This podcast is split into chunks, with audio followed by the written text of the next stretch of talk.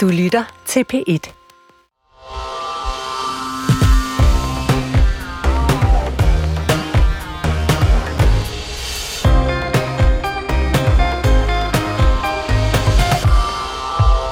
Therese Scavenius, velkommen til p debat til dig. Tak skal du have. Du er måske dansk politiks øh, mest omtalte person i de her dage, så, så har jeg vist ikke sagt for meget. Øh, er det ikke også din fornemmelse?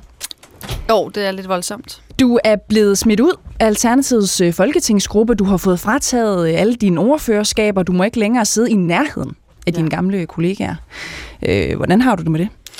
Det har jeg det rigtig dårligt med. Jeg synes, det er rigtig hårdt. Øh, altså, vi er jo også bare mennesker i det her, ikke? og Christiansborg er også bare et arbejde, hvor vi øh, møder ind og gør nogle ting. Så, så det er rigtig, rigtig ubehageligt. Ifølge forpersonen for øh, Alternativs Folketingsgruppe, det er hende, der hedder Helene Liljendal Brudensholt, der har du været grov øh, mm. over for medarbejdere og gruppemedlemmer. Er det rigtigt? Altså det er anklager, jeg aldrig nogensinde er blevet forbeholdt, eller forholdt, øh, før de kommer ud i medierne der i øh, søndags. Øh, og vi har jo siddet i en mailings i øh, proces i en måneds tid nu, øh, og der har de aldrig nævnt de her klager. Så jeg ser det altså desværre som noget, de ligesom her på falderæbet prøver at finde på som en afledningsmanøvre, ja, og, for at de faktisk tabte den store eksklusionssag af partiet. Mm. Og nu spørger jeg dig, mm. er det rigtigt, at du har været grov over for medarbejdere eller nogle af de andre personer i gruppen? Øh, nej, jeg har altid været over for medarbejdere haft en rigtig god relation, og jeg synes faktisk, det er virkelig, virkelig lavt at lave så meget, lave en personsag ud af noget, der handler om de her politiske konflikter. Så jeg er meget, meget skuffet over, at de træder ned i en så voldsom smedekampagne. Så nej, det er jeg virkelig ked af, at de gør, og fuldstændig uretfærdigt. Jeg har virkelig gode relationer til alle medarbejderne.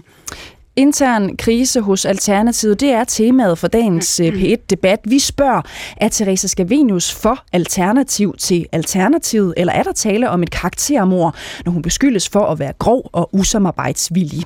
Er det overhovedet en klog beslutning at smide Scavenius ud, når man kun kan gøre det halvt? Mit navn det er Cecilie Lange, og det her det er P1-debat. Kan ringe ind og blande dig i den her debat, hvis du brænder inde øh, med noget. Øh, kommer du til at savne Skavenius i øh, Alternativet, og hvor meget synes du egentlig, der skal til, før man kan smide en person ud af et parti? Ring ind til os på 70 21 19 19. Du kan også bare sende en sms til 12 12, så skal du bare lige huske at skrive P1, lave et mellemrum, og så din, din besked, altså en sms ind til os. Therese Skavenius, nu kan jeg så kalde dig tidligere klimaordfører i, i Folketinget. Vi skal ja. selvfølgelig dykke ned i, hvad der antænder alt det her, og hvad der er op og ned ja. i den her sag. Ikke? Først så vil jeg lige spørge dig. Dine kollegaer i Folketingsgruppen, mm. øh, de er tydeligvis ikke interesseret i at arbejde sammen med, med dig længere. Vil du melde dig ud af partiet? Vil du tage dit mandat med videre, eller hvad skal der ske for dig nu? Altså lige den sidste måned har jeg kæmpet for, og at jeg kunne få lov til at blive. Øh, så, så det er ikke lige det, der ligger for. Men selvfølgelig må jeg tage de her nye beslutninger med, at jeg bliver eskaleret for gruppen, og af alt det arbejde, vi har lavet ind på Christiansborg øh, ad notum, og finde ud af, hvad det er. Men det er ret nyt for mig, så jeg skal lige finde ud af, hvad den nye situation overhovedet betyder. Så derfor kan jeg ikke lige tage stilling til det. Men udgangspunktet for mig har jo hele tiden været, at alt det, jeg arbejder for, demokratipolitisk og klimapolitisk, er udtryk for alternativt politik. Så selvfølgelig hører jeg hjemme i Alternativet. Det var det, jeg ligesom øh, har, har argumenteret for i den sidste måneds tid. Mm. Og det har du gjort den seneste øh, måned. Nu er der ja, sket en masse ja. øh, forskellige ting bare i løbet af de seneste dage. De vil ikke, de vil ikke arbejde sammen med dig, Therese Gavinus, i Alternativet. Har du så overhovedet en fremtid i Alternativet? Øh, nej, det er jo nemlig det. Det ser jo ikke lige sådan ud, når hele ledelsen og hele øh, folketingsgruppen... Så nej, Hvordan giver det, det, det så mening at, at blive? Hvordan giver det mening at blive? Jamen, det der bare siger, det kan også være, at det ikke gør det. Men som sagt, har det simpelthen en ny konstruktion. Vi stod lige her og snakkede om det før. Jeg ved, for jeg har faktisk ikke overblik over, hvad det betyder i praksis, i forhold til udvalg, i forhold til arbejde, i forhold til, at jeg skal ikke engang få nyt kontor endnu. Og, så det er helt, helt nyt. Så men jeg vil meget gerne fortælle dig om, når jeg lige har fundet ud af, hvordan det lander, hvordan der så giver mening. Men mm. udgangspunktet er selvfølgelig, at lige nu ser det meget, meget svært ud. Øh, og det er en meget, meget ubehagelig situation. Øh, og for mig handler det selvfølgelig hele tiden om at sige, hvor kan jeg arbejde bedst i forhold til de dagsordner, jeg mener er rigtig, rigtig vigtige. Mm. Og indtil videre har jeg håbet, at håbet på, at det kunne være inden for alternativet, men det kan jo godt se ud som om, at det bliver ret svært at mm. fortsætte den vej. Og spørgsmålet er jo så også, øh, hvad ligger først for? Ikke? Er, mm. er der et andet parti, som du kan se dig i øh, på Christiansborg, eller bliver det øh, federe for dig at være løsgænger i virkeligheden? Altså, jeg kan slet ikke se mig i nogle partier. Altså, meget af det, min kritik går på i øjeblikket generelt på Christiansborg, er jo det her med, at partierne er blevet nogle meget dysfunktionelle klubber, som kører meget sådan noget klubkultur og in-group, out-group. Det vil sige, hvis du ikke er med så er du imod os. Øh, og det er jo også derfor, det handler om det her med, at man skal ligesom følge en partilinje, og man skal gøre en hel masse ting. Og hvis du ikke gør det, så bliver du smidt ud lidt ligesom om det var en rockerklub. Ja. Øh, og vi ved jo, at meget af den kultur foregår i de andre partier også, fordi min kritik af Christiansborg kulturen er jo ikke noget nyt. Der er jo masser, der har lavet den her kritik. Øslem Sækkes, Tommy Ahlers, øh, Christian Lauritsen, og der er en helt lang række af folk, men oftest gør de det bare først, når de har forladt Christiansborg. Det er det, der gør forskellen. Så er det, de kigger tilbage og siger, gud, hvor var det forfærdeligt. Øh, jeg kunne ikke være med til at rydde op i det. Så der er en ret bred enighed om, at partierne og kulturen på Christiansborg er meget, meget ubehagelig og hård. Øh, jeg har så forsøgt at kæmpe imod den og fortsætter sig med det inde på Christiansborg, mm. men det er ikke lige sådan, at der er andre partier, jeg så har lyst til at melde mig ind. Det kommer ikke du, til at ske. Du siger, at du kæmper imod den her øh, mm. kultur. Det er også en kultur, du har kaldt en mobbekultur ja. øh, tidligere. Ja. Det kunne lyde som om på noget af den kritik, som også kommer fra dine tidligere kollegaer i Alternativet, som om det er dig, der er med til at skabe den kultur ja. øh, øh, i toksisk miljø. Mm. Et miljø, man ikke kan arbejde arbejde i. Kan du se dig fuldstændig fri for at have bidraget til en mobbende kultur på Christiansborg? Ja, det kan jeg. Men det, jeg kan godt kan, kan, kan, kan sige, det er det her med, at ja, jeg er rigtig besværlig, når det kommer til demokratipolitik, og når det kommer til klimapolitik. Det er meget, meget besværligt at lave en samfundsforandring. Mm. Jeg tror, man lidt glemt, hvad der står i Alternativets øh, partiprogram. Det er altså, at vi ønsker en samfundsforandring. Ja, det, det er besværligt. Og det starter jo lige alle de konflikter, vi har haft i gruppen, fordi det er jo helt åbent. Vi har haft masser af samarbejdsvanskeligheder, masser af konflikt og masser af uenighed. Mm. Øh, og det spørgsmål er, hvad handler de her uenigheder om? Og de handler jo om, at øh, vi i forhold til advokatundersøgelsen, var vi meget uenige om, hvorvidt at advokatundersøgelsen var sådan noget, der kunne være en del af nogle regeringsforhandlinger. I forhold til klimapolitikken var vi uenige om, hvorvidt vi skulle være hårde imod greenwashing, eller hvorvidt vi ligesom kan, kunne, kunne sige, at vi skal også have det gode samarbejde med ministeren. Så, så grundlæggende handler det om det her med, at det er besværligt, hvis man står på principper og står på fakta øh, det er altså som om, at det er, hører ikke rigtigt til længere inde på Christiansborg, og det er så det, der ligesom bliver også mit større politiske projekt nu, det er faktisk at sige, jeg står på det mandat, jeg har fået af borgerne, mm. det er for at kæmpe for flere demokratiske principper som grundlag for vores politik, og så mere viden end i politik, og det gælder klimapolitik, men det gælder faktisk også mm. sundhedspolitik og skolepolitik osv. Lad os prøve at tage et kig på nogle af de øh, anklager, der mm. er imod dig, øh, Therese Scavenius, fordi øh, du, du siger jo selv nu her, at det er ikke noget, du kan genkende flere af de ting, som er blevet øh, fremlagt. Men ved du, hvilke episoder, som der henvises til, øh, når for eksempel Helene Lilindal øh, siger, at du har været grov øh, over for medarbejdere? Hvad er det så for nogle episoder? Episoder, hun henviser til? Øh, jeg aner det ikke. Jeg har aldrig hørt de anklager før overhovedet. Jeg har gode samarbejdsrelationer. Så det er jo noget med det her, kan man i medierne bare komme med forskellige anklager, og så gengiver du mm. dem, og så kan vi diskutere mm. dem, og så er det meget svært at modbevise. Ja. Hvad så, så det er jo det, der ligesom... gruppemedlemmerne, Therese? Jamen, der, der, i forhold til gruppemedlem, der, der har vi jo haft masser af konflikter, så der kan man jo sige, at de har været, der har vi haft virkelig store diskussioner. Men det øh, der med, at du har været det er det der med at have været kan... grov. Ved du, har de sagt til dig, øh, Therese Scavenius, sæt dig nu ned og hør her. Det var den her episode, den et nej, eller andet. Nej, et eller andet. nej, intet, intet. Jeg har intet fået af den slags overhovedet. De har, til mig har de sagt i en mail, at det var samarbejdsvanskeligheder, der var problem, og derfor skulle jeg ekskluderes. Og der mere længere ned i det har vi ikke kommet. Øhm, så, så, så, så nej, desværre. Og det er det, jeg synes, der er meget urimeligt, at det er derfor, det bliver sådan en afledningsmanøvre, hvor vi skal stå og diskutere her nogle mm. detaljer og en eller anden anklam grov. Jeg ved faktisk ikke rigtig, hvad det betyder. Øh, og det skal handle lidt på som medarbejder og noget andet, i stedet for at det faktisk bare handler om den substans, at der var en eksklusionssag imod mig, den var ubegrundet, den tabte de, og nu har de meget svært ved at begrunde, hvorfor jeg skulle ekskluderes fra gruppen. Øhm, og, og det er jo i stedet for, at vi kunne have skilles i god ro og orden, for jeg tror også bare, man kan sige, der er jo store, store politiske forskelle, og måske det er også meget det, jeg har efterfølgende har tænkt. Øh, jeg kom jo ind i Alternativet i forbindelse med valgkampen, da Momentum læser ind under, øh, hvad hedder det, um, Alternativet, og hvor jeg så blev inviteret ind til at blive kandidat. Mm. Og det gik meget hurtigt, den proces, og det var fordi, jeg troede, at Alternativet stadig ikke stod for det, så under Uffe, hvor det var den her meget sådan et alternativ til dansk politik, både den røde og den blå fløj, og man var meget sådan virkelig, da vi havde vores egen statsministerkandidat og så videre, fordi det var virkelig et, en kritik af det hele.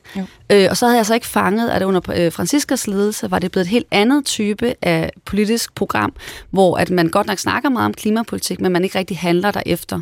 Og, og det der med, at man er ligesom blevet spist af den politiske kultur, hvor det handler om at være mere med at venner med Mette og Pia og Lars fra øh, Klimaministeren, frem for faktisk at være en kritisk oppositionsparti. Det havde jeg ikke fanget, og det skulle jeg nok have været meget, meget mere øh, klar på, sådan at vi havde forventningsafstemt det bedre. Fordi, men jeg troede, bare lige for at færdiggøre det, jeg troede faktisk, de vidste, hvad jeg stod for. Jeg troede godt, de vidste fra Momentums tid, at jeg var øh, totalt hardliner på klimapolitikken, I, øh, og også i forhold til demokratipolitikken. I den her mailingsproces, mm. I har været igennem i løbet af, af de seneste dage, som du så også øh, forlader på et tidspunkt, ja. du har ikke længere tillid til, øh, til processen. Har man heller ikke i, i den mailingsproces forklaret dig, hvad det er for nogle øh, episoder, hvor man har oplevet dig som værende grov grænseoverskridende? Øh, nej, ikke på den måde. Det har man aldrig. Jeg har faktisk flere gange sagt, jeg kunne godt tænke mig at se øh, et dokument, hvor der står de anklager, I måtte have imod mig. Mm. Og det er aldrig blevet forelagt mig. Okay. Øhm, du, du kender det her øh, brev. Det tror jeg faktisk også, du og jeg har øh, diskuteret tidligere her i studiet, øh, Therese Gavinus. Det er øh, et brev, som er øh, underskrevet af nogle forskellige mennesker, som har ført kampagne for dig mm. øh, tidligere. De skriver i, i brevet, at de synes, du mangler øh, empati, og du mangler ydmyghed. Mm. Så det er også for, Therese Scavenius, at blive lidt klogere på, når din øh, samlede folketingsgruppe, alle øh, ud over dig, her er en, øh, en, en lang række af, af mennesker, som siger nogenlunde det samme om, hvordan de oplever dig. Som værende grov, uden empati og mm. som værende øh, ikke ydmyg. Er der noget i det der med, at når alle andre kører den forkerte vej på motorvejen, så kan det måske være en selv, som gør det. Ja, det skal man selvfølgelig altid overveje. Altså, sagen er jo bare, at det er en ret stor intern diskussion i Alternativet om, hvordan vi skal være i Alternativet. Og flertallet i HB har jo lige bakket mig op omkring og siger, at alt det, jeg står for, synes de er rigtig fint, og jeg ved, at rigtig mange medlemmer også gør det. Vi havde til landsmødet en stor diskussion også omkring det, hvorvidt vi skulle være et protestparti eller ej, hvor det øh, strategipapir, ledelsen havde fremlagt, blev nedstemt. Så jeg vil sige, at øh, så, så det her, det handler ikke om at køre den modsatte vej, det handler om, at vi er på en vej, hvor nogen kører den ene vej, og nogen kører den anden vej.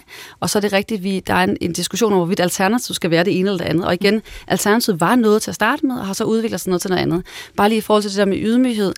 Øh, altså, der var masser, det er nogle helt andre typer diskussioner, der var ved Nordsjælland der for et par år siden, og det var jo den her interne kamp, hvor jeg, som jeg blev øh, meget uheldig en del af, fordi at jeg blev placeret op i Nordsjælland, så jeg skulle stille op, øh, blev jeg anbefalet, og det var, det var virkelig bagklemsklyben rigtig dårligt, mm. fordi at de havde en rigtig god kandidat, der hed Christian Pold, som alle hans frivillige selvfølgelig rigtig gerne ville støtte, og så blev det ligesom en intern kamp imellem to gode kandidater, i stedet for at vi kunne ligesom arbejde i fællesskab, og jeg har jo en god relation til Christian i dag.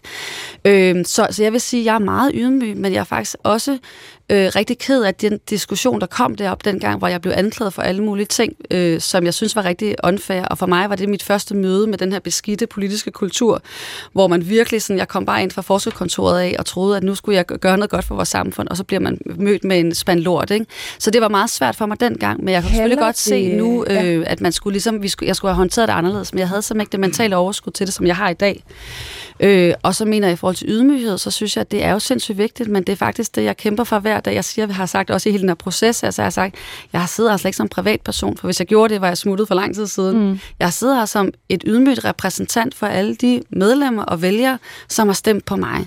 De forventer faktisk, de skriver til mig hver dag på mails og sms og alle de steder, de kan. De skriver, hold fast, bliv ved, hold ud. Øh, fordi at de, øh, så det er med den, det, alle dem i ryggen, at jeg gør det, jeg gør. Hvis mm. jeg ikke mærkede nogen opbakning nogen steder fra, så havde jeg ligesom opgivet for lang tid siden. Kalder det på en eller anden form for selvreflektion øh, hos dig, når, når så mange mennesker siger, at de oplever dig som værende øh, grov, øh, grov og, og uden empati? Kan du komme i tanke om et eller andet, hvor, hvor, hvor du i dag vil sige, det her, det skulle jeg ikke have gjort, eller sådan her vil jeg være fremadrettet? Ja, altså hele den der sag op i Nordsjælland kunne, skulle der være håndteret helt anderledes for alle ledere og kanter i øvrigt. Selvfølgelig skulle det det, øh, og det skulle burde den her proces også have været, der foregår nu i Alternativet. Det er da så ærgerligt, det er på den måde, der er der ingen, der ønsker. Øh, altså det tænker jeg, kan jeg slet ikke forestille mig, der er nogen, der ønsker. Mm. Så ja, selvfølgelig, men man skal jo bare lige huske at tage proportionerne med. Altså brevet var underskrevet få mennesker, og mange af dem har jeg jo et gode relationer med igen i dag, og så er det få medlemmer i, i hvad hedder det, i Folketingsgruppen. Øh, så ud af alle dem, som i øvrigt bakker mig op. Så igen, man skal bare lige zoome lidt ud og sige, at der er mange andre mennesker, der har et meget andet billede. Det er jo den samlede det, Folketingsgruppe, ja, som ønsker dig ja, ja, ude. Ikke? Præcis, ja, men, det er men, jo også noget at vink. Det er meget, det er meget voldsomt. Ja. Men det er jo så fordi, at det handler om de her politiske uenigheder, hvor de ønsker mere, at vi skal samarbejde tæt med klimaministeren og med SF og Mette Frederiksen, hvor jeg også siger, at vi alternativet er sat i verden for noget andet. Vi er sat i verden for at rydde op i alt det her politiske greenwashing, der foregår nu.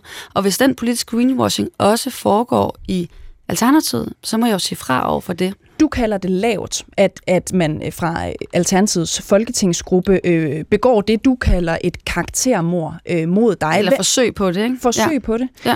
Øh, hvem er det, der står i spidsen? Altså, hvem er det, der har den her øh, indgroede modvilje mod dig?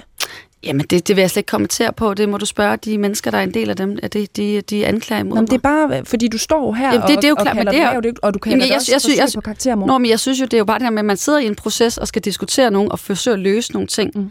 Øh, at man så efter den er lukket, kommer med nye anklager. Det synes jeg er lavt, for hvis man havde nogle reelle anklager, skulle man jo bare have rejst dem fra starten af og sagt, det er det her problem, nu indkalder vi til et personalemøde, og så er det, vi snakker om. Men det er der aldrig nogen, der har nævnt, og jeg kan slet ikke forestille mig det, for jeg har simpelthen gode relationer til dem alle sammen. Øh, hvem, så, har, så, hvem er du har gode relationer til? Alle, mine, alle de medarbejdere, der er på Indbrug i Christiansborg. Okay.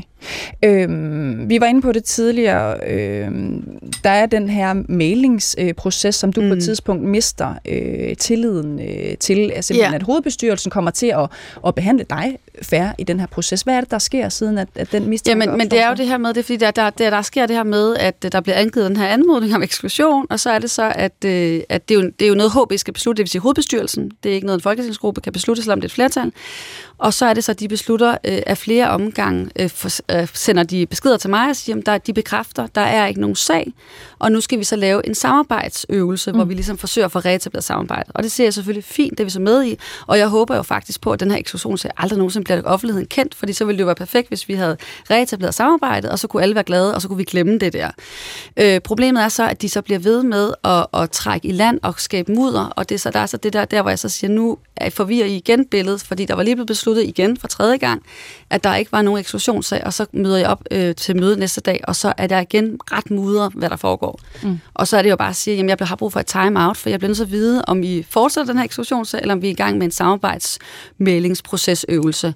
Og så er det, at øh, det bekræfter de så dagen efter, at eksklusionsforsøget er slut, men, men mailingsforsøget bliver jo så ikke genoptaget. Og, og, og du siger, at det her det er et forsøg på karaktermord. Kan du afvise, at der i løbet af de næste uger eller måneder vil stille sig mennesker frem med personlige fortællinger eller historier om, at du har været grov og ubehagelig over for dem? Nej, det kan man selvfølgelig aldrig. Der er jo selvfølgelig altid nogen, der har deres egne oplevelser, og det er jo selvfølgelig altid rigtig kedeligt, hvis det er det. Sådan vil det jo altid være. Øh, og så, så sådan er det selvfølgelig. Så nej, det kan jeg selvfølgelig ikke afvise.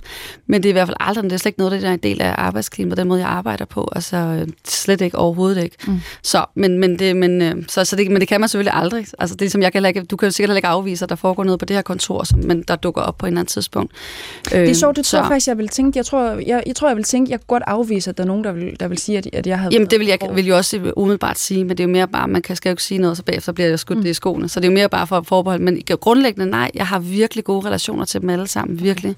Og også mange af dem har jeg jo, jeg har jo grædt og grinet med dem. Altså, det har jo været mega hårdt. Der er jo mange af dem, der har fulgt den her meget, meget hårde proces, jeg har haft generelt i Folketinget, hvor jeg har jo mærket, mærket deres varme støtte og opbakning, og sådan virkelig, virkelig, hvor vi virkelig har hjulpet hinanden. Så, så nej, jeg er meget uforstående over for, at man laver den her type af smedkampagne. Vi har selvfølgelig rækket ud til øh, Alternativets folketingsgruppe, spurgt om de ikke kunne have lyst til at være med øh, i, i dagens øh, P1-debat. Øh, Alternativets folketingsgruppe, der har gennemsigtighed som kerneværdi. På partiets hjemmeside står der gennemsigtighed. Alle skal have mulighed for at se os over skulderen, både på gode og dårlige dage. Mm. Ingen fra Alternativet har ønsket at stille op i dag. Vi har også inviteret Alternativets hovedbestyrelse, her man heller ikke ønsket at stille op.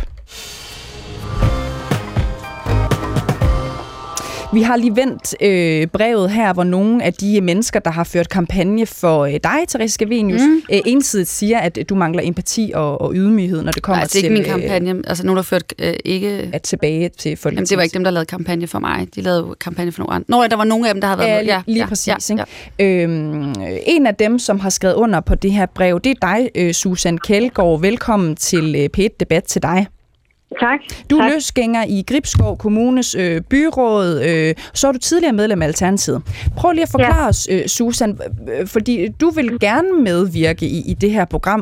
Hvordan oplever du, Therese Scavenius, så kan du genkende det her med samarbejdsvanskeligheder og en, og en øh, grov fasong? Jeg kan overhovedet ikke genkende den grove fasong. Mm. Øhm, jeg kan godt genkende, at der var samarbejdsvanskeligheder, og jeg synes, Theresa egentlig har beskrevet det øh, meget fint i det, hun lige har sagt. Øhm, men som jeg ser det, så, så han, den, min skuffelse dengang handlede jo mere om partiets håndtering af det, end, øh, end det, det Theresa, som, som Theresa var. Mm. Hvordan var hun svær at arbejde sammen med? Altså bare for, at vi andre udenforstående øh, øh for det her ellers gennemsigtige parti, altså hvordan skal vi blive klogere på, hvad der er for nogle samarbejdsvanskeligheder? Hvad er der så svært ved Teresa Scavenius? Jamen, jeg, nu har jeg, jeg er jo løsgænger nu, og jeg har faktisk været i tre partier. Øh, og, og nogle af grundene til, at jeg træder ud, er jo netop det her manglende holdånd. Det er ikke særlig øh, Teresa. Altså, jeg vil sige, at øh, alle byråd og, øh, og Folketinget er jo fuld af Teresaer, øh, hvis jeg kan sige det på den måde. Øh, fordi det er den måde, som, som man handler på. Og min skuffelse dengang handlede jo om, at jeg synes, at partiet har nogle rigtig fine værdier og nogle fine dogmer. Og dem oplevede jeg ikke øh, levet ud i livet, så jeg oplever, at det bliver sådan nogle skueværdier. Mm. Øhm, og jeg kan man sige, blev frustreret og skuffet på, på, på demokratiet og politikens vegne dengang, fordi jeg troede, at når nu jeg skulle stille op for, for Alternativet, så var det virkelig med team spirit. Det jeg oplevede var jo fuldstændig det samme som i alle andre partier. Det er, at det er alles kamp mod alle, og det skuffede mig. Er, og, og, og, Susan, jeg er lidt nysgerrig på det her. Ikke? Altså, synes du, at der er plads til, til, til solorytter? Lad os bare kalde det, hvad det er. Ikke? Er der plads til solorytter i, i, i partierne og Alternativet for eksempel? Jamen, der er jo ikke andet. Altså, og det er jo sådan, det er i alle partier. Det er, mm. og Teresa er en superstar på området. Altså, det kredit må man jo give hende.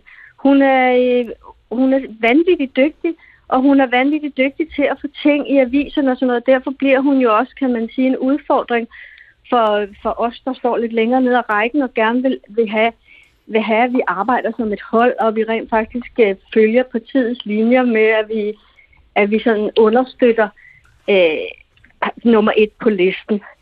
Men, og, og jeg anklager ikke hende sådan, fordi jeg synes, hun gør det, alle andre jeg har mødt, som er toneangivende i, i andre partier, i andre valgkampe. Okay. Jeg synes ikke, der er nogen forskel. Godt. Jeg Susan, synes tværtimod, at hun gør opmærksom på vores demokratiske udfordring mm. uden på Christiansborg, mens hun er der, og ikke først, når hun træder ud. Mm.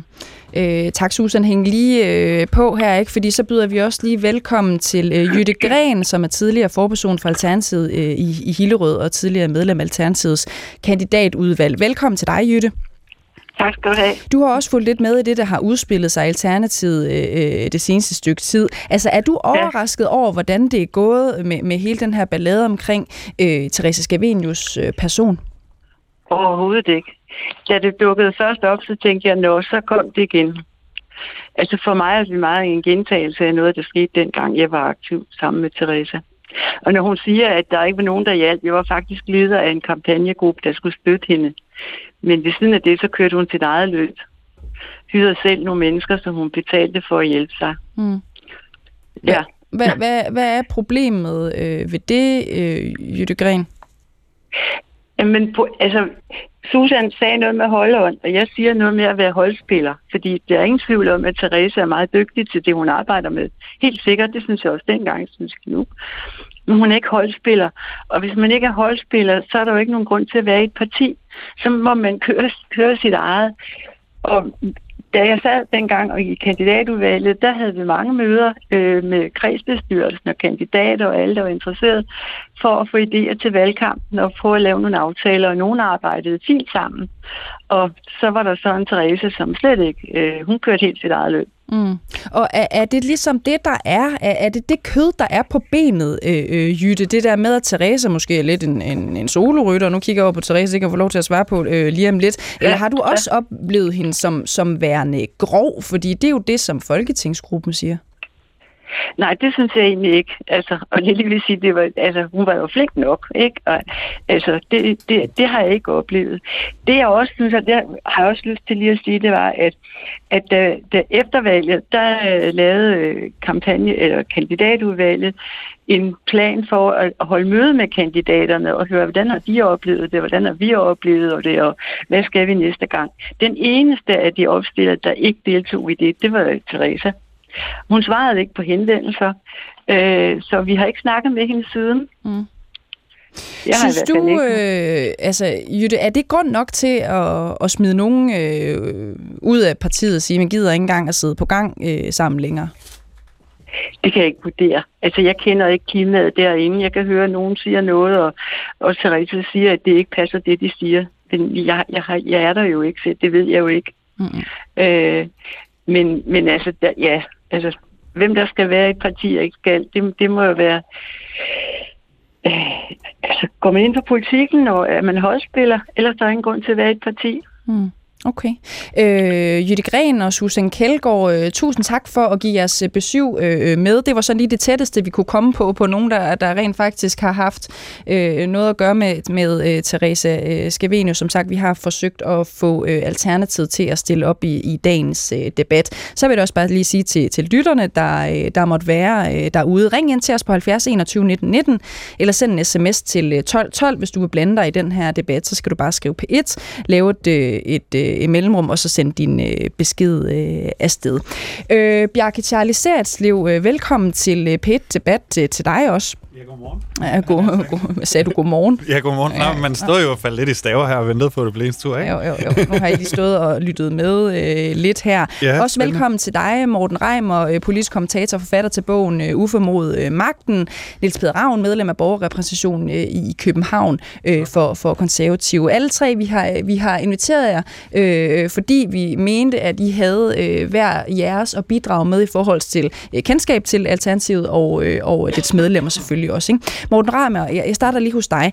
Køber du den her fortælling øh, fra Therese Skevenius, som jo handler om, at der taler om et karaktermord her? Jeg ved ikke, hvad der er foregået i den folketingsgruppe. Jeg kan konstatere, at de er blevet ryve uvenner, og det er alle og mod Teresa. Så der har været en konflikt mellem alle andre og Teresa.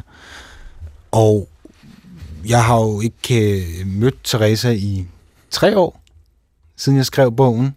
Øh, men jeg mødte hende jo løbende, mens jeg skrev den her bog, som jo var at følge Uffe Elbæk under hans valgkamp i 19. Og de gange, jeg mødte Therese, jamen, der var det blandt andet, fordi der var uenighed op i, i Nordsjælland, som vi har hørt lidt om, og der var noget mailing mellem dig, Therese og Christian Poll.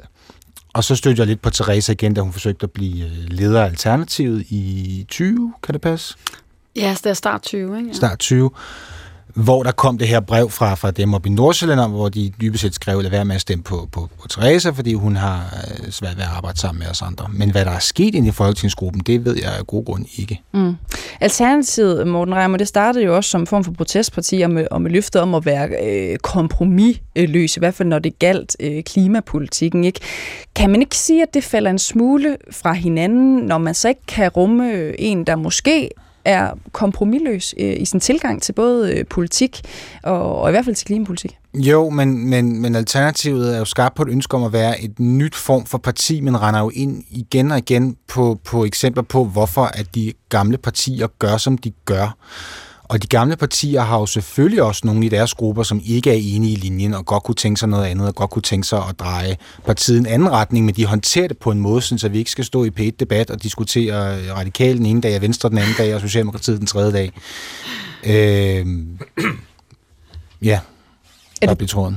Jamen, det, du er inde på noget, ikke, som ja. egentlig leder mig frem til mit næste spørgsmål er det ikke dumt? Øh, har den her proces ikke været dum, at øh, man i virkeligheden smider Therese Skavenius øh, ud af partiet, uden at kunne gøre det helt?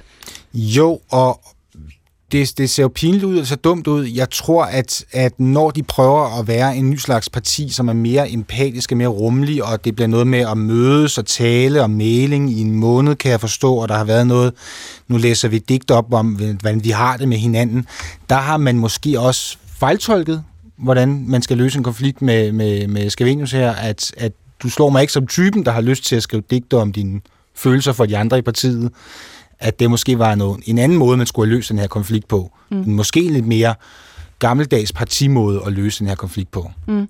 Skal vi jeg er egentlig også lidt interesseret i det der. Er det rigtigt nok, har I siddet på prosa, ligesom øh, som det jo har været fremme i medierne, og forsøgt at løse jeres øh, problemer i Alternativet? Altså vi har aftalt ikke at fortælle, hvad der ligesom er sket internt i processen, så det kan jeg desværre ikke udtale mig om. Men jeg kan fortælle, at jeg har deltaget aktivt i alle de øh, instrumenter, der blev brugt, og, og var meget opsat på, at det skulle øh, lykkes. At, må jeg bare spørge, er det rigtige musikalske instrumenter, eller er det sådan lidt... Åh oh, nej, instrument, ja, værktøj, værktøj. Undskyld. Ja, man ved jo aldrig. Jeg, jeg er helt med, jeg er helt med. Jeg kunne ikke øh, mig.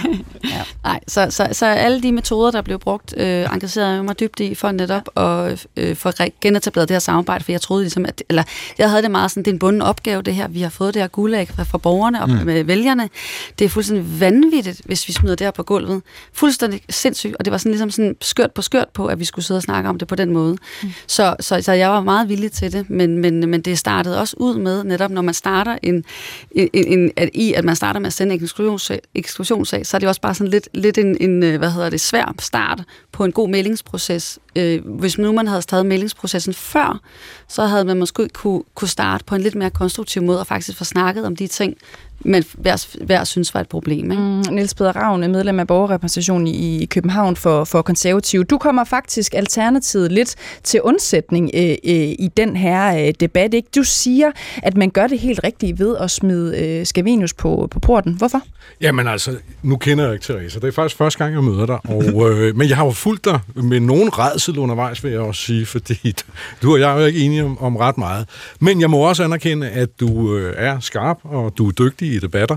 Og øh, så kender jeg jo så til gengæld øh, en hel del andre fra Alternativet, fordi der sidder jo også nogen inde på Københavns Rådhus. Og det, ja, du kender jo både Franziska Rosenkilde, ja. du kender Christina Olomeko, og jeg kunne blive ved, ikke? Ja, det er ja. nemlig fuldstændig rigtigt. Og det som, det, som jo er forskellen på dig, og så de andre, som jeg i hvert fald kender, øh, nu skal vi passe på med at generalisere, men det er jo, at jeg oplever jo et parti, hvor politikerne er meget drevet af deres følelser. Det, mm. at, altså, jeg, har, jeg har stået i debatter med folkevældet, jeg skal nævne ikke nogen navne, men hvor man har været så uenig med mig, at man nærmest er blevet grødlabil simpelthen i debatten, fordi man synes, jeg var så kæmpestor en idiot.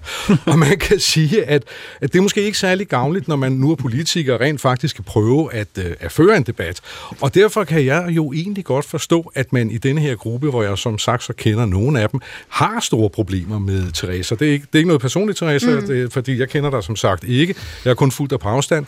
Men derfor vil jeg sige, at, at hvis den gruppe er sammensat sådan, som jeg tror, sådan som jeg kan se på, øh, lidt på afstand, øh, så kan jeg godt forstå, at der opstår nogle øh, endnu ganske voldsomme konflikter, for jeg tror virkelig, at øh, uh, Teresa, hun kan være en bars dame, og jeg er helt sikker på, at nogle af de andre damer, de, øh, ja, de har problemer med det er, er det grund nok, altså det der med, at man er besværlig, det indrømmer du sådan set selv, Therese Skavenius. Du tror, mm. du er besværlig, fordi du stiller øh, spørgsmål hele tiden, og måske også går, går ind i nogle processer, som allerede øh, er lukket i forvejen, osv. osv.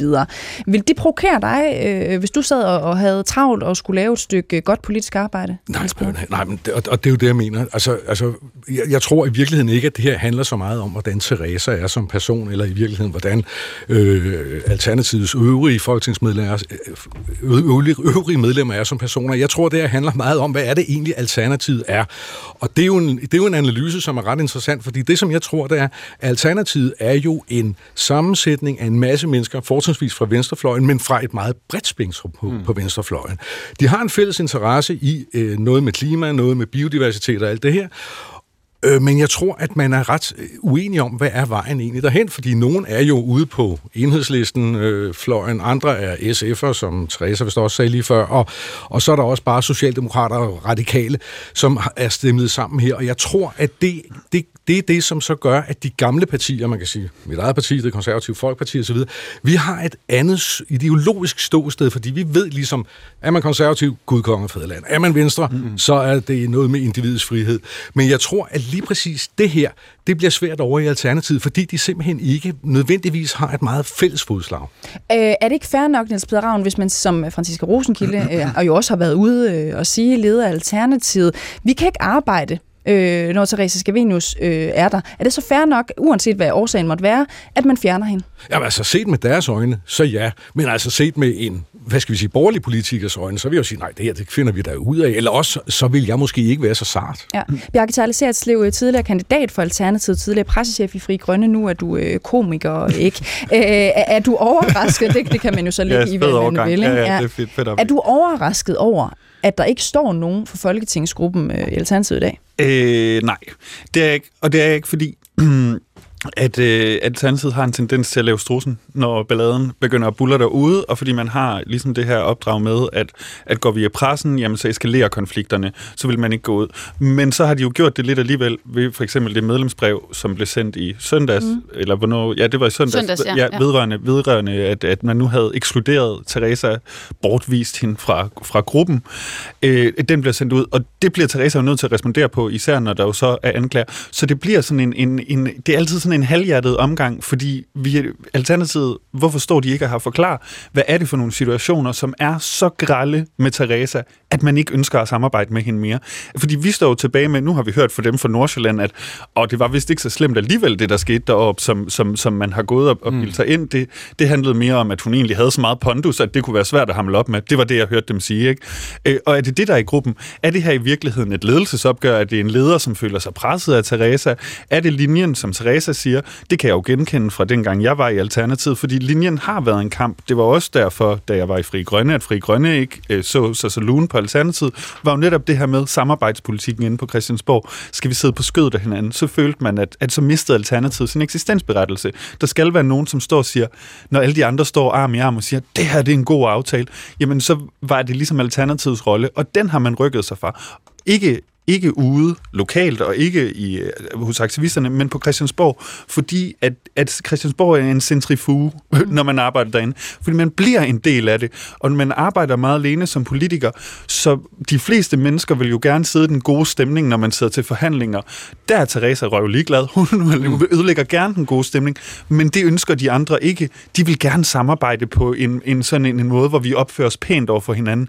Men er man så det, man siger, man er i Alternativet? Ja, men prøv, lad os lige prøve at blive øh, ved det, ikke? Ja. fordi i virkeligheden kan jeg egentlig, og det er noget, jeg, jeg lige kommer til at tænke på, nu er det må også være en lille smule grænseoverskridende, øh, Therese Kavinius, at stå i en debat, hvor vi egentlig ja, debatterer din øh, person, men det er jo det, som er, som er, som er anledningen også. Ikke? Bjarke Charlie, for sådan at skræde det hele væk, mm. tror, hvem tror du på øh, i den her, fordi det er ord mod ord? Jamen, jeg tror, jeg tror, med min erfaring er der noget, der siger mig, at, at, at der er nogen, der har ret på begge sider, øh, uden at sige for meget, fordi Øh, men, men, men der, hvor jeg synes, den med personalet, altså det, det, som jeg hæfter mig ved der, er, at det er en ny beskyldning, der kommer op. Det er ikke noget, vi har set i det materiale, der har været lækket til DR tidligere. Hvad hæfter du der ved der? Jamen, at, at der skulle være noget, hun har været grov over for personalet. Det er første gang, vi ser det. Det er det her medlemsbrev mm-hmm. i søndags, og det kommer bag på mig, så derfor har jeg sådan en tendens til at tro på Teresa, når hun siger, det er jeg ikke blevet forelagt på noget tidspunkt. Så kan jeg jo ikke forholde mig til, om det er rigtigt eller ikke er rigtigt, men, men jeg tror sådan set på, når hun siger, at hun ikke har set det. Mm, Morten Reimer, du markeret for et kort øjeblik siden? For, for, for, for, for, for et par minutter siden. Øh, Snakke snakker. Nej, at, at, at jeg, jeg kan egentlig godt forstå, at Alternativet ikke ønsker at deltage i det her og ikke stille op i dag, fordi ud fra et rent pressemæssigt perspektiv, at de ikke lyst til, at den her konflikt skal fylde mere end allerhøjst nødvendigt.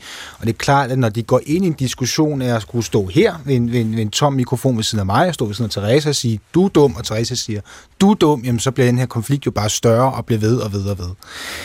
Jeg kunne egentlig øh, godt tænke mig at spørge Teresa, fordi at, at det, det lyder lidt på dig som om, at, at der har været noget uklarhed om, om linjen, at det først er efter, der har været de her konflikter, at du ligesom har, har fået at vide, jamen linjen er det her, og, og du, du gik den forkerte vej.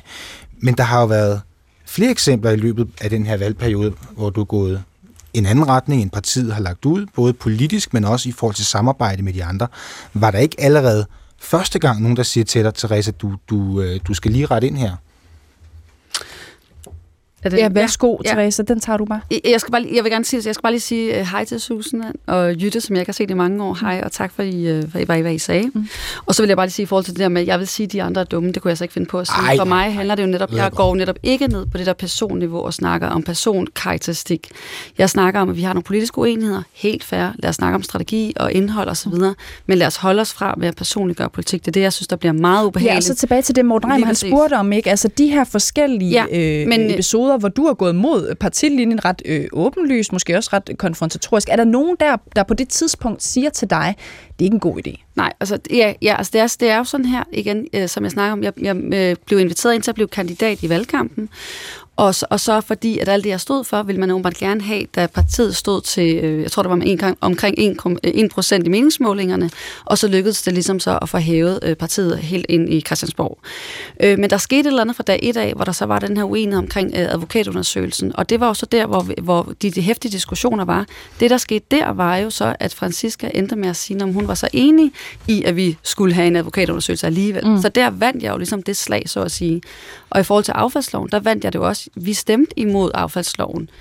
Øh, men de har jo selvfølgelig, øh, og det er jo, er jo måske også der, hvor man godt kunne tænke over, og det er måske lidt det, der bliver nævnt også her fra andre, forstå, at det, de føler det meget presset, og det er ikke den måde, de ønsker at arbejde på. Mm. Og det sagde jeg faktisk også allerede i forbindelse med vores store konflikter omkring affaldsloven. Der sagde jeg til dem, sagde, prøv at høre, hvis vi er så politisk uenige, vi ønsker at arbejde meget forskelligt, I vil gerne lægge jer tæt op af regeringen, jeg vil gerne stå på, at vi snakker om fakta og øh, hvad hedder det, afsløre det politiske teater, der foregår. Hvis I ikke ønsker det, så kan vi jo bare skilles ad i god ro og orden, for så behøver vi ikke at være i samme klub. Mm. Øhm, og det var i virkeligheden det, jeg synes, vi ligesom måske bare skulle have kendt og haft en helt stille og rolig samtale om, at sige, vi er bare, vi hører ikke til i samme klub, vi kom for hurtigt ind i den samme, opsmeltet sammen, men i virkeligheden er vi for politisk uenige. Mm. I stedet for laver de sådan en meget personliggørelse af alting, og nægter at snakke politik, og nægter at snakke om strategi, og kun siger, at det handler om mig som person. Og det synes jeg så er rigtig ærgerligt for det videre forløb, fordi på en eller anden måde skal vi jo, øh, hvad hedder det, samarbejde ind på Christiansborg på et eller andet tidspunkt, uanset om jeg er et ene eller ude, eller hvad det, det ja. ender henne. Så, så jeg synes, det er rigtig ærgerligt, at politik ender med at være et personsag, i stedet for at vi bare kunne være ærlige omkring den politiske diskussion. Hvorfor men Therese har, jamen, men jeg, jeg ville da selv, hvis det var mig, der havde været en del af et parti, og en gang ligesom havde oplevet, at nu siger jeg noget, der har gjort mig upopulær i gruppen, og, og ligesom trådt forkert i forhold til partidisciplinen her, så vil jeg da selv have en interesse i at finde ud af, jamen, hvad er så retningen, så jeg ikke laver den fejl en gang til. Jamen det er også faktisk, vi har også, jeg har også forsøgt at sige, at vi skal jo have en strategisk diskussion om, hvad for en retning er det, vi har. Og mm. det er så det, vi stadig vi også mangler, ligesom kan sige, og det er måske det, der også er gået galt, at vi ikke, ligesom, der ikke har været nogen øh, linje. Og den linje, der blev forsøgt og præsenteret på landsmødet, blev så øh, øh kritiseret så meget, at den blev taget af afstemningen. Men man kan sige, at grundlæggende det, jeg også har kæmpet for, er jo ikke så meget mig selv det har jo igen, som jeg nævnte før, det har jo været at kæmpe for alternativet faktisk. Jeg har jo kæmpet for det, for det gamle alternativ, som jeg ved rigtig, rigtig mange medlemmer ønsker. Mm. Øh, jeg ved ikke, hvor mange. Jeg ved i hvert fald bare, at der er rigtig mange, der skriver til mig hver dag. Okay. Øh, og det er jo så det, der ligesom bare har været kampen. Men, men nu kan man sige, nu har den, den side, eller den fløj i partiet, har så tabt. Og det må vi jo bare tage konsekvensen af, og det er jo fair nok, at ja. så, så er der ikke at finde det, jeg står for, er ikke længere repræsenteret i alternativet i Folketingsgruppen. Bjarke Charlie først, og så Niels Ravnbæk. Altså, det her med OX eller op, det er jeg sådan set enig i, at det, det forstår jeg godt, men, men jeg synes også, at det indikerer, at man har en dårlig sag. For hvis det var en slam dunk sag, jo, jo, jo, jo, hvis man jo, jo, synes, det var et slam dunk det her, så har man stillet sig op. Fordi nu lader man jo sådan set konflikten leve videre. Altså, fordi nu får Teresa ordet og fortæller sin version af historien. Jo, men og så, det så, kommer så, kommer, Francisca ikke, så kommer der ikke noget bagefter. Nej, nej, men, men, men det slipper Francisca jo ikke for at forholde sig til. De har heller ikke holdt pressemøde ved deres sommergruppemøde nu. Forestiller hun sig selv, hun får lov til at stå og tale politik der. Altså, man har brug for på et eller andet tidspunkt at lukke sagen. Jamen, det gør man ved at sige noget. Jeg, jeg, jeg kan kun af erfaring sige, det der med at løbe og gemme sig, det kommer på et tidspunkt ikke. Nå. Og så hele det her partilinje, jeg synes jo også, at advokatundersøgelsen handler lidt om da, i sin tid, hvordan man framer det, for man kunne også frame det, altså jeg vil jo sige, det var Francisca, der fuckede noget så grusomt op øh, på det tidspunkt, fordi hun, uden at have sin gruppe med sig, kommer til at sige, jamen nu er det lige meget med den. Øh, I hele det her sådan øh, koran noget, kunne man jo bare have sagt, vi fritstiller medlemmerne i gruppen. Det gør man tit på Christiansborg, det gør man tit i andre partier, når det er noget sådan helt mm. principielt, der er inde og rører ved kernen af vores demokrati, og det kan man jo sige, når det handler om ytringsfriheden. Men skulle man have stillet hende fri, der havde ikke behøves at blive en konflikt. Det kunne man bare have gået videre fra. Og så hæfter jeg mig ved ordet partidisciplin. Nu har jeg jeg må være den, der har længst erfaring med Alternativet. Jeg var, været, jeg var frivillig i 2014, startede jeg, ikke? At det ord overhovedet bliver brugt i forbindelse med Alternativet, siger også lidt om det ryg, der er sket. For det er sådan en Christiansborg-ting, mm. at mm. partidisciplin, fordi samarbejder og det ene og det andet, og det var bare aldrig meningen med Alternativet. Jamen det, det, er jo, det er jo også mig, der har siddet hos de gamle stødepartier og arbejdet for Men, dem, men det er rigtigt nok, at du bruger det, du kan, for det Du kan jo kalde det holdånd, du kan kalde det team spirit, du kan kalde det alt muligt forskelligt. Ja, Niels Peder Ravn fra Konservativ. Jeg vil bare sige, det, det er interessant, at Morten han siger, at hvis, øh, hvis det er blevet håndteret ordentligt, så var der ikke kommet noget bagefter. Jeg bliver jo nødt til at sige, at Alternativet er jo måske det parti på Christiansborg, og i øvrigt også på Københavns Rådhus, som kan præstere flest skandaler overhovedet i den tid, det har eksisteret. Jeg mener, rækken er jo endeløs. Bare her for et par uger siden, der dansede man på, øh, på Torsten Geils øh, sygeseng med at fejre med kage, at man nu var ene kvindegruppe, og så kan vi jo nævne, jamen altså så utrolig mange skandaler. Der kommer en skandal til, Morten. Det er kun et spørgsmål jo, jo, men det, det, det, det er sgu udmærket godt klart, at der sagtens kommer en skandal mere, men nej, hvis jeg lige måtte gøre, hvis jeg lige måtte gøre det færdigt, hvis jeg lige måtte gøre det færdigt, nej, hvis jeg lige måtte gøre det færdigt. Det må du ikke. Du siger noget, at jeg er galt på den, så har jeg lov til lige at sige, hvorfor jeg ikke er Jo, men hvis jeg lige kunne få lov til Nej, det kan du ikke, fordi prøv at høre, det er jo ikke, det er ikke, det er ikke, jeg er jo godt klar over, at der kommer en konflikt på et eller andet tidspunkt igen. Jeg snakker den eksakte konflikt her den kan du trække i langdrag, eller du kan lade være med at byde ind i den, og så lade være med at give den mere liv. Vi fortsætter på den side. Det synes jeg bare, at I, I lyder fuldstændig som alternativet. Øh, de her, øh, nu er der lige 25 sekunder til øh, radiovisen går på, ikke? og fortrinsvis vil jeg bare lige sige tak til øh, Bjarke Sejlesertslev, Morten Reimer, Niels Peder Ravn og Therese Skavenius, måske mest af alt for at stille op. Øh, tak for det, øh, Therese. Vi fortsætter alle sammen på den anden side af en øh, radioavis. Den skal I have nu, hvor klokken den er blevet 13.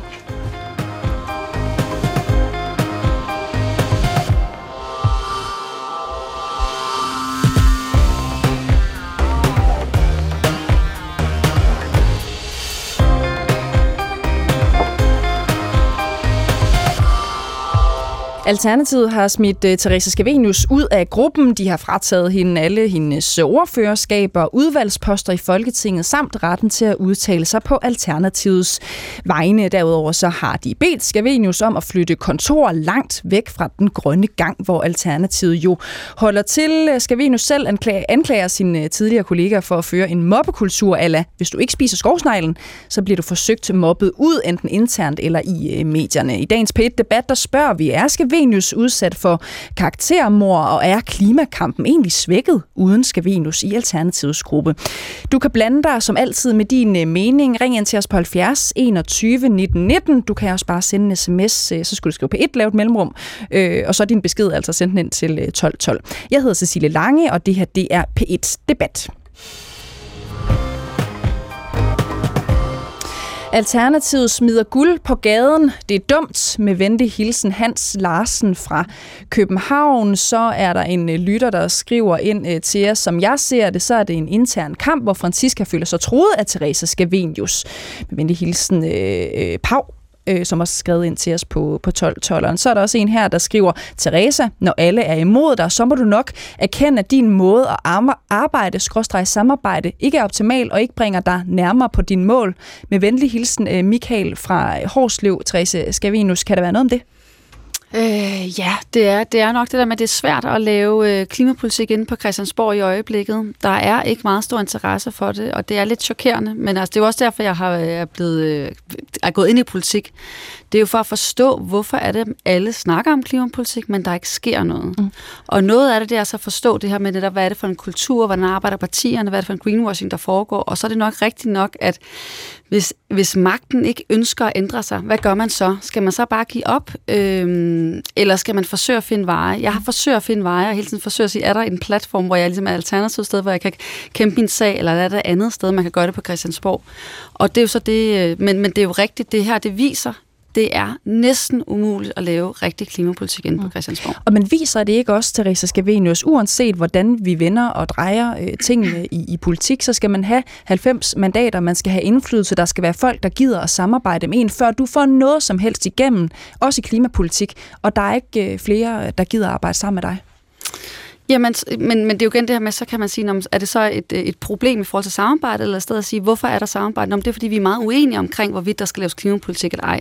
Konkret er det jo for eksempel det her efterår, der er det spørgsmål om, hvorvidt vi skal udvide med gas. Det er der de fleste partier, der gerne vil. Det er kun enhedslisten og Alternativet, eller i hvert fald da jeg var der, at man var imod at udvide gas. Jo. Men er det ikke og, en det udfordring eksempel... for dig og din mål? Det er mere det, jeg fisker efter. Jamen, ikke men, en udfordring jo, jo, det der, for det der, dig det er dybt... og dine visioner, hvis der ikke er nogen, der vil arbejde sammen med dig? Jo, det, men det viser, bekræfter bare mig i, at det er meget, meget svært at skabe samfundsforandring.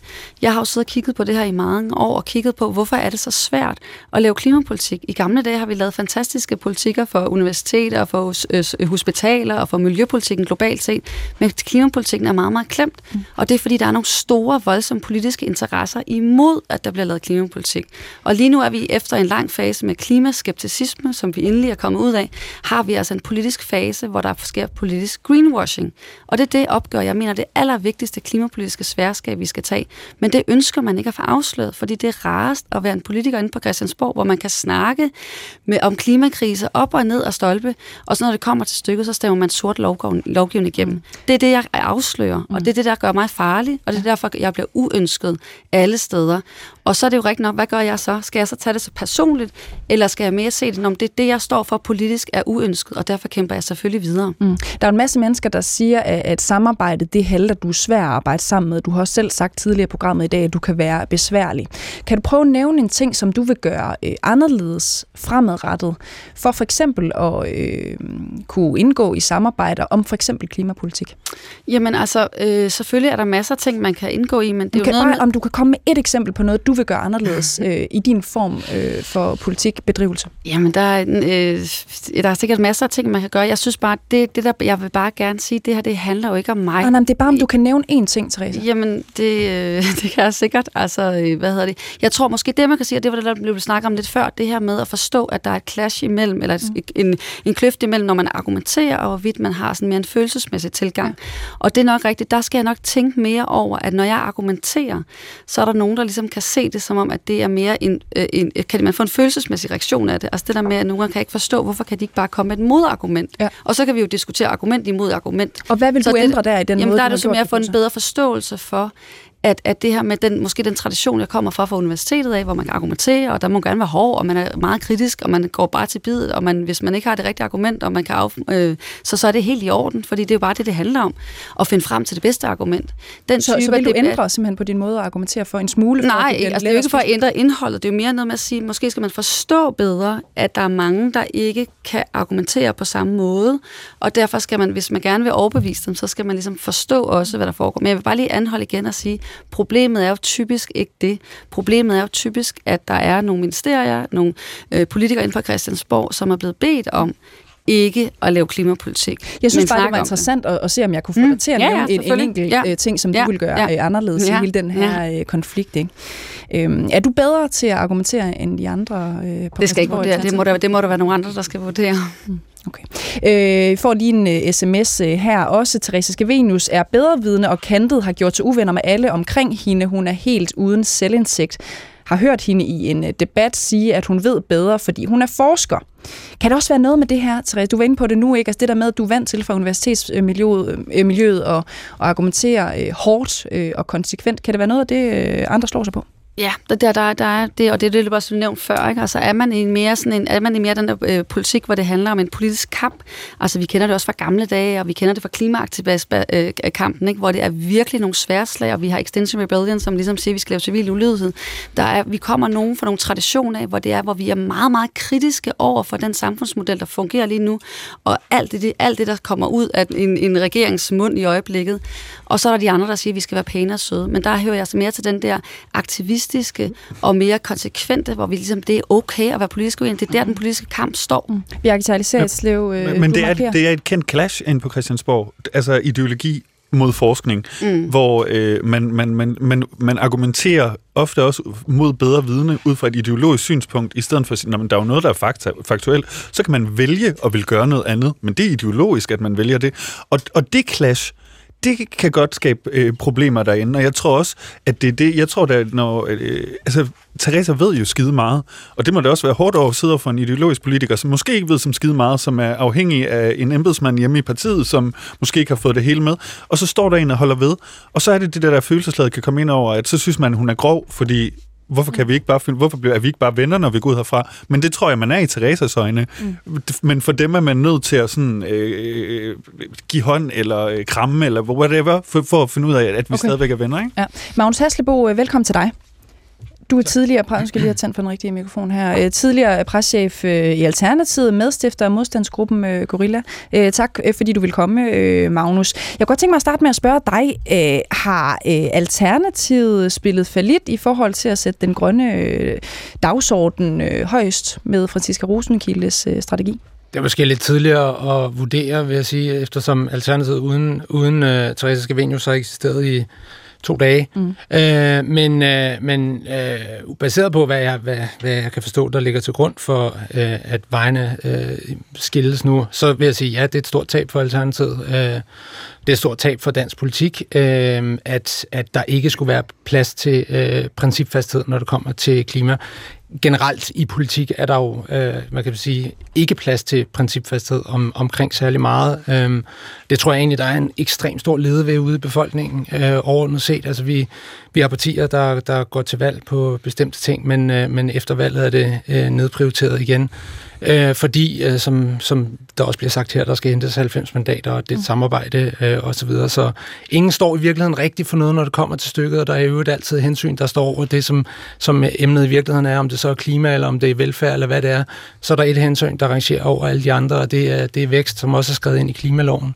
Øh, så, så, og hvis man ikke ligesom indordner sig det, øh, den forståelse af, hvad, hvad politik er, det vil sige den herskende øh, magten på Christiansborgs forståelse af, hvad, hvad det rum skal kunne, så, øh, så bliver man øh, latterliggjort eller frosset ude, eller hvad man vil kalde det. Og det, okay. det gjorde vi også dengang i Alternativet, øh, hvor... Øh, hvor vi kom med nogle meget progressive dagsordner, som jo først nu her otte år efter er begyndt at blive sådan mainstream eller tilladt at, at snakke om i, i dag. Øh, snakker politikken om, at vi bliver nødt til at kigge på vores øh, forbrug af oksekød. Øh, det har taget otte år, ikke? Øhm, øhm, det, var jo en, det var en dagsorden, vi var frem der. Så man kan sige, det er et ekstremt reaktionært rum, og hvis man gerne vil have, at, at, øhm, at man, øh, man ligesom løser øh, tingene med den hastighed, de fortjener, så, øh, så er det et system, der er faktisk aldeles uanvendeligt mm. øh, til det formål. Øhm, og det tror jeg er, er det, vi ser øh, en af konsekvenserne endnu. Du har været en del af Alternativet øh, fra starten stort set. Ikke? Du har først været øh, frivillig i 2014, og, og siden som, øh, som pressechef, ikke? hvor du fortalte mig faktisk, da vi lige talte sammen øh, kort i går, at du har været med til at formulere en af de øh, visioner, som Alternativet jo har haft og slået sig op på, øh, at have en kompromilløs grøn kurs. Øhm, ja, Ja, altså det, det, det er rigtigt. Det er jo en diskussion, der har eksisteret længe, øh, og som, som måske, jeg ved ikke, hvornår den nogensinde bliver afklaret, men, men måske er den tættere på en afklaring nu. Øh, men, øh, men altså, det, det var jo... Hvad mener du med det? Nå, nu, er, nu kan man sige, nu er der en, en gruppe tilbage, som har en holdning til det spørgsmål, og så er der Teresa, som står udenfor, som måske har en anden holdning til det spørgsmål. Men, men, øh, men dengang, der, øh, der var det jo, øh, var jeg medforfatter på den øh, kronik, der ligesom markerede, da vi kom i mål med vores vælgererklæring, mm. der var det en, en ordret formulering, som som vi diskuterede grundigt, og det var om, om øh, hvor vi sagde, at det var et løfte, at hvis ikke det, øh, den førte politik levede op til de tre bundlinjer, som var det, vi snakkede om dengang, hvor en af dem er den grønne, så ville vi ikke stemme for. Og det var noget, vi diskuterede om. Det var for hårdt sagt, for man kan ikke give løfter i politik osv., men den blev der, øh, den formulering. Så øh, og vagte selvfølgelig øh, efterfølgende interesse for medier, fordi medier også vender sig til, at man kan ikke have principper i dansk politik, så er man, så er man en odd one out, øh, og skal ligesom øh, jages, jages til, vi ser det jo igen og igen, øh, så, så det vil ikke Mener du, at, øh, at Alternativet øh, nu med Therese Skavenius ude, øh, kan, tale, kan kalde sig et øh, kompromilløst øh, grønt parti? Øh, baseret på mit ringe kendskab af, af den, det persongalleri, der nu er tilbage, vil jeg sige øh, nej, men altså, det, det, må vi, de, de, det må de jo selv vurdere, men jeg synes, ud fra de udmeldinger, der har været, og problemerne i forhold til samarbejdet med Therese, så synes jeg, det bærer præg af, at man vil i virkeligheden hellere hygge sig ind på Christiansborg og øh, gå til de rigtige møder, og ikke rigtig være uvenner med nogen. Og når du har et Christiansborg, der lever af at gå på kompromis, og ligesom har deres egne regler om, at det er det edle øh, øh, ved politik, så... Øh, øh, så vil jeg tro, og man gerne vil passe ind i det system, så vil jeg tro, at det meget, bliver meget svært for dem at have nogen som helst form for principfastet efter det her. Er det rigtigt, Niels Peder Ravn, øh, medlem af borgerrepræsentationen for konservative i København? Jamen, altså, jeg vil bare sige, jeg synes, at nu begynder der at tegne sig et billede af, hvad der er, der egentlig foregår, fordi det, som Magnus Hersebro kalder et ekstremt reaktionært rum, det er det, som vi andre, vi kalder det repræsentative demokrati. Og det er rigtigt, at uh, demokrati, det arbejder jo ikke særlig hurtigt. Uh, og egentlig heldigvis for det, fordi ellers så ville vi have revolutioner. Jeg går jo over lidt om at genindføre det oplyste envælde. Jeg er ikke sikker på, at jeg kan gøre det over på over en uges tid eller to. Der skal man nok bruge lidt længere tid. Så jeg, jeg synes, jeg begynder at fornemme, hvad, det, hvad der måske sker i den gruppe, som jeg ikke rigtig havde indsigt i før, men jeg tror simpelthen, at, øh, at der er nogen, måske Teresa, som, som vil køre lidt hurtigere, end demokratiet egentlig tillader. Og jeg forstår jo godt, hvis resten af gruppen et eller andet sted, øh, de, de foretrækker at øh, spille på parlamentarismens, øh, hvad skal vi sige, præmisser. Det forstår jeg faktisk godt. Okay, Bjarke Tejlsel, du øh, markerer ja, ja, ja, ja. Jamen, jeg vil bare gerne svare på det der, om det er et tab for Alternativet. Ja, men det synes jeg, du skal gøre. Men jeg, synes, jeg ved ikke, om det bliver et tab for Alternativet, fordi at for at Alternativet kan overleve, skal der være en eller anden grad af harmoni i Folketingsgruppen. Men det er et tab for klimadagsordenen, og det er et tab for Alternativets klimadagsorden, fordi vi må jo også bare sande i løbet af de sidste seks måneder, vi har ikke hørt noget fra nogen andre politikere til Alternativet. Vi aner faktisk ikke, hvem de er. Så kan det være, at Teresa har haft nogle, øh, øh noget, som var ude, men der har også der har været dagsordner, hun har sat dagsordner med affaldshåndteringen. Og det er det, som jeg også synes er kernen i det her, at det, jeg ikke kan forstå, man i Alternativet har vejet det så tungt, øh, intern fnider. Lad os spørge, det kalder vi det nu. Øh, og så klimadagsordenen, som man jo fra man blev sat i verden har sagt, det her det er den vigtigste dagsorden. Den må vi ikke gå på kompromis med, som Magnus også så fint beskriver, hvordan at man gjorde det i sin tid.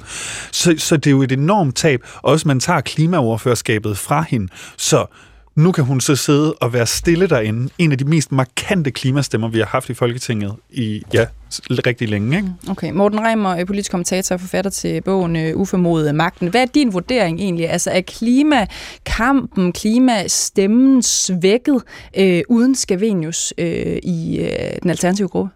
Ja, det mener jeg helt klart. Øh, ja, helt klart. Øh, jeg, jeg er jo en af dem, som, som flere gange har skrevet øh, blandt andet klummer om, at jeg synes, Teresa er med til at gøre klimakampen mere interessant og har jo en gennemslagskraft, som, som hvis vi alle sammen har sagt efterhånden, at, at hvor mange af de øvrige fra Folketingsgruppen kan, kan den gennemsnitlige vælger nævne nok ikke ret mange. Teresa er rigtig, rigtig god til at komme i medierne, god til at forstå, hvordan medierne fungerer, god til at forstå, hvordan præsenterer man noget, som kunne være tungt og kedeligt på en interessant måde. Det kunne være affaldsloven, som jeg ved, du har gået meget op i, øh, som, som blev sådan en form for følge tong på Theresas sociale medier, hvor man ligesom kunne følge med i mhm. arbejdet for at lave den her nye affaldslov. Var et rigtig, rigtig godt greb. Det er klart, at, at du kan jo ikke være et parti, hvis at, at man ikke er nogenlunde enige om, hvilken retning man skal gå i, men det bliver også svært at blive et parti, der bliver ved med at være på Christiansborg, hvis ikke du er god til at sælge varen, og det kan Teresa, og det kan de andre ikke i lige så høj grad. Øhm, det der med, for det vi faktisk ikke talt så meget om i, i den her debat, altså hvad med vælgerne? Hvad med de øh, over 1000 personer, som jeg husker det, der har stemt øh, personligt på dig, øh, Teresa Skavenius? Altså, har de en eller anden form for forståelse for, at sådan noget personfnider og noget med, at nogen ikke kan øh, blive enige om et eller andet udefinerbart, som vi heller ikke i dag kan få svar på fra mm. Alternativet, fordi de ikke øh, med, vil medvirke, at det er det, det, der skal spænde ben for en øh, øh, person som Therese Scavenius, der i den grad har sat sig tungt på, øh, på klimadagsordenen? Altså min, min tese det er, at man risikerer en masse grønne vælgere, som kunne have stemt Teresa kunne have stemt Alternativet. De siger, jamen der er simpelthen så meget øh, intern ævl og kævl Alternativet, at jeg orker det ikke.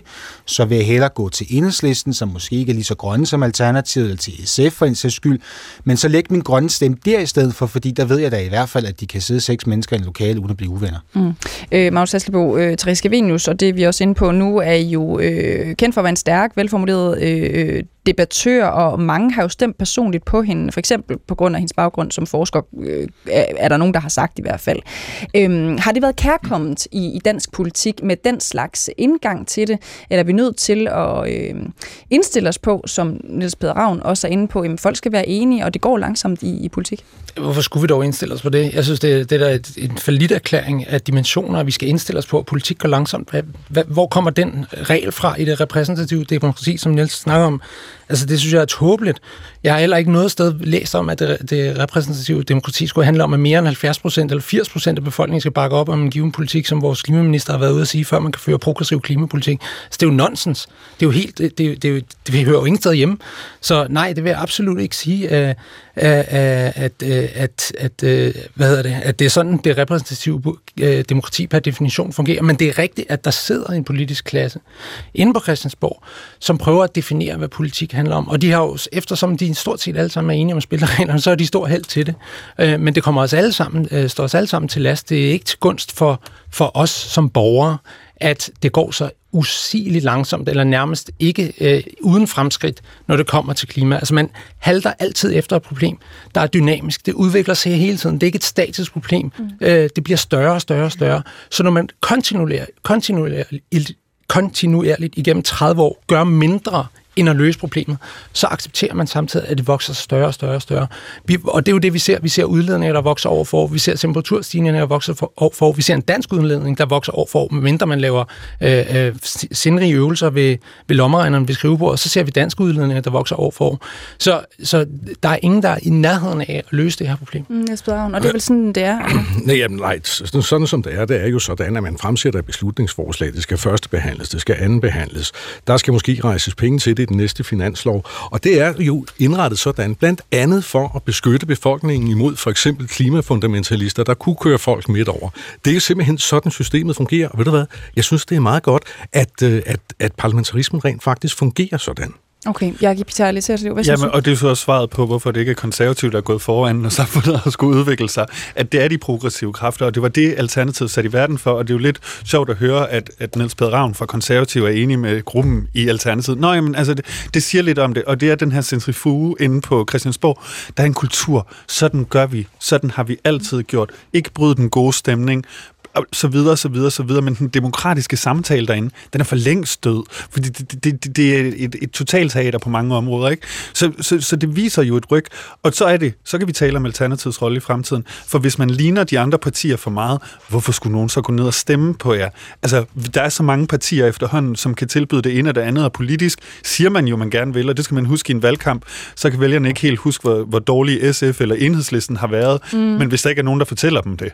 Øh, så hvis man bare kommer til at ligne de andre, så kommer man også til at gå i glemmebogen. Ja, Jeg bliver altså nødt til at sige, selvfølgelig er jeg ikke revolutionær, jeg er jo konservativ. ja, ja, ja, men det er da også det.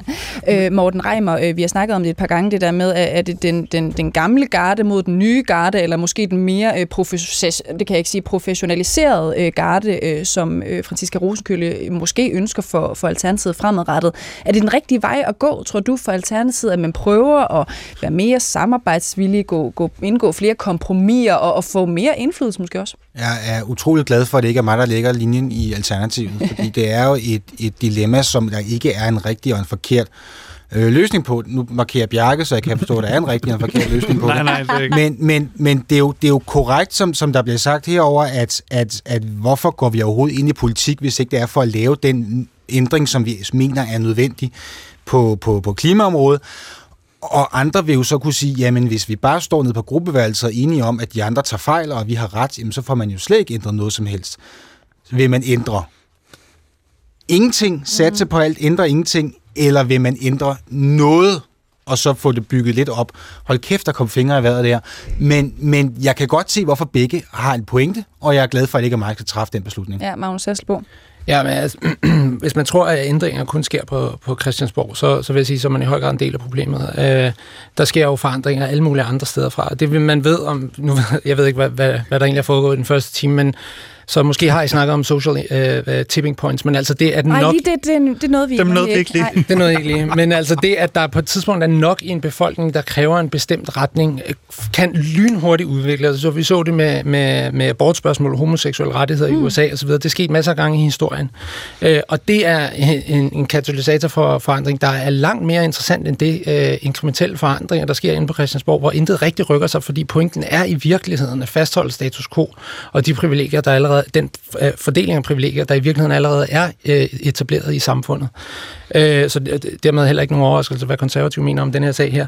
Så jeg vil sige, ja, hvis du, hvis du accepterer, at din måde at skabe forandringer på er at indgå i de her øh, hvad hedder det, rum inde på Christiansborg med en masse øh, uskrevne regler om, hvordan du opfører dig, så går du, stad, så går du glip af at skubbe til de social tipping points, der er sådan set er hvad vil sige, det primære håb, fordi kommer politikerne til at gøre det her af egen drift? Nej, det gør de ikke. Det gør de først, når deres mandater er truet.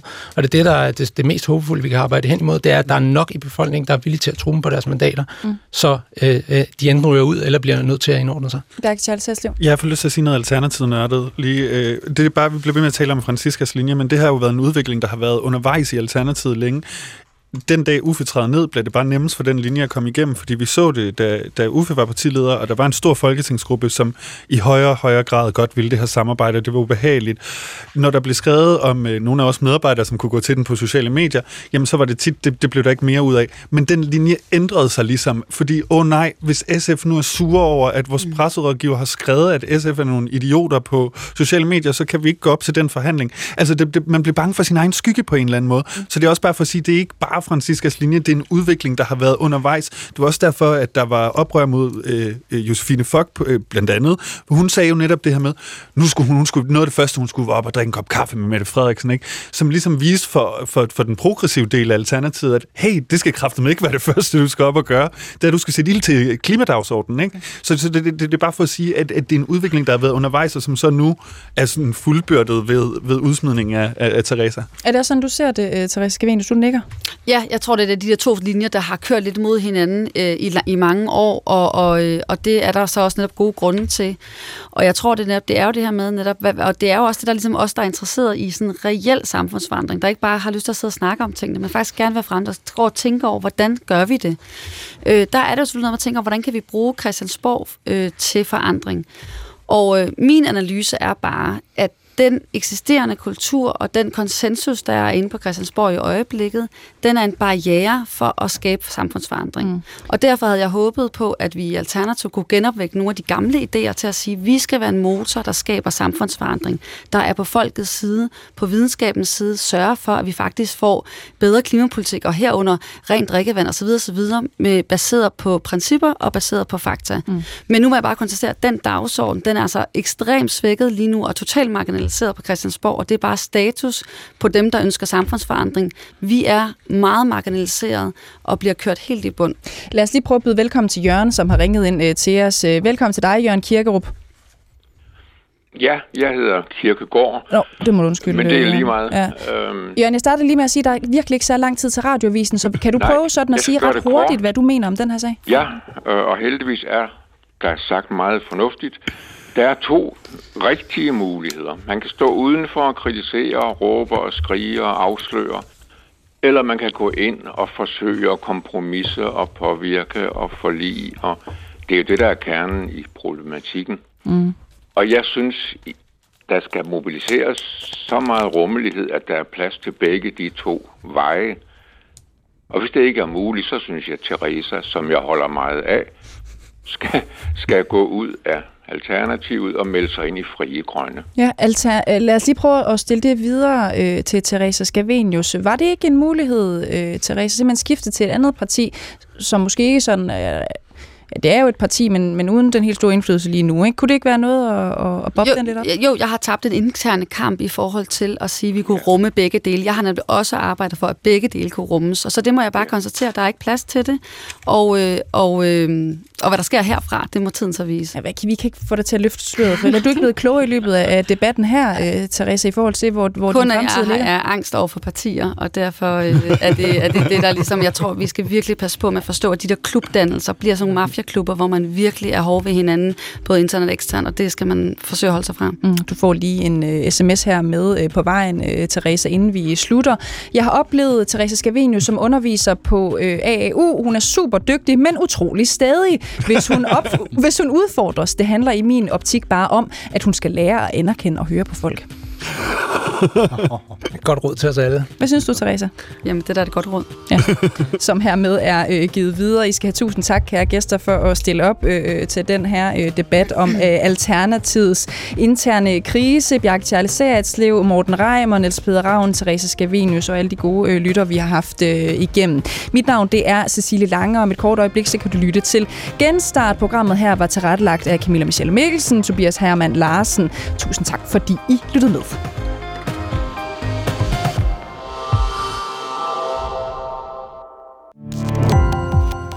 Gå på opdagelse i alle DR's podcast og radioprogrammer. I appen DR Lyd.